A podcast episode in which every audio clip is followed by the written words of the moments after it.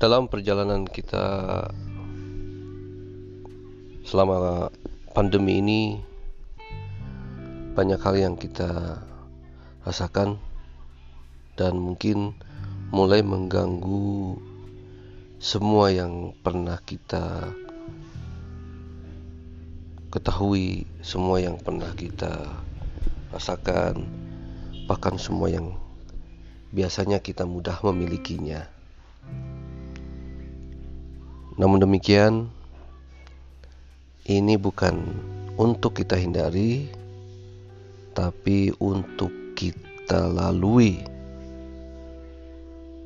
Pertanyaannya adalah bagaimana kita melaluinya ini dengan tetap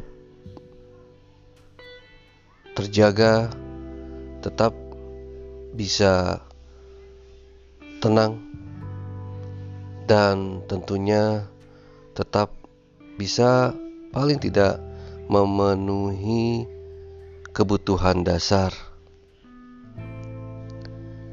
Beberapa alternatif yang pemerintah lakukan untuk menjaga kita tetap bisa memenuhi kebutuhan dasar adalah beberapa bantuan yang digulirkan, tapi ternyata itu belum cukup untuk semua. Kita harus kreatif, kita harus coba cara lain untuk tidak diam dan terlarut dalam kondisi ini.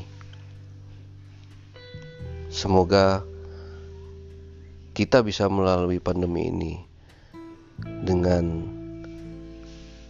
tetap bertahan, tetap kreatif, tetap semangat, dan mudah-mudahan pandemi ini segera berakhir.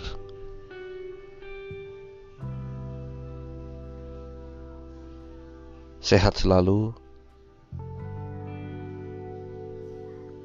Salam.